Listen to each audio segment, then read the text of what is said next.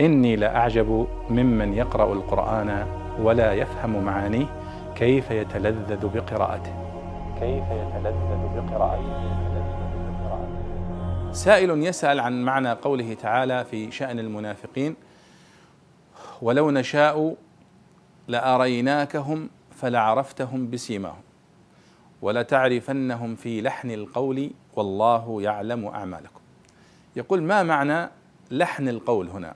ولتعرفنهم في لحن القول.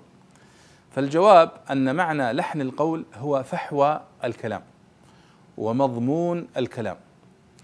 فيقول هنا يا محمد ستعرف المنافقين من فحوى كلامهم ومن مضمون كلامهم لا من صريحه لأن المنافقين لا يصرحون بذم الدين ولا يصرحون بالكفر ولكنهم يلمحون تلميحا ويورون تورية.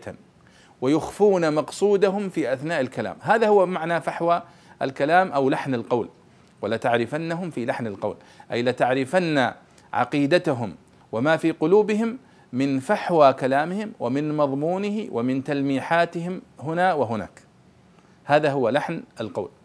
كما قال الشاعر يقول آه، وحديث ألذه هو مما تشتهيه النفوس يوزن وزنا منطق صائب وتلحن أحيانا.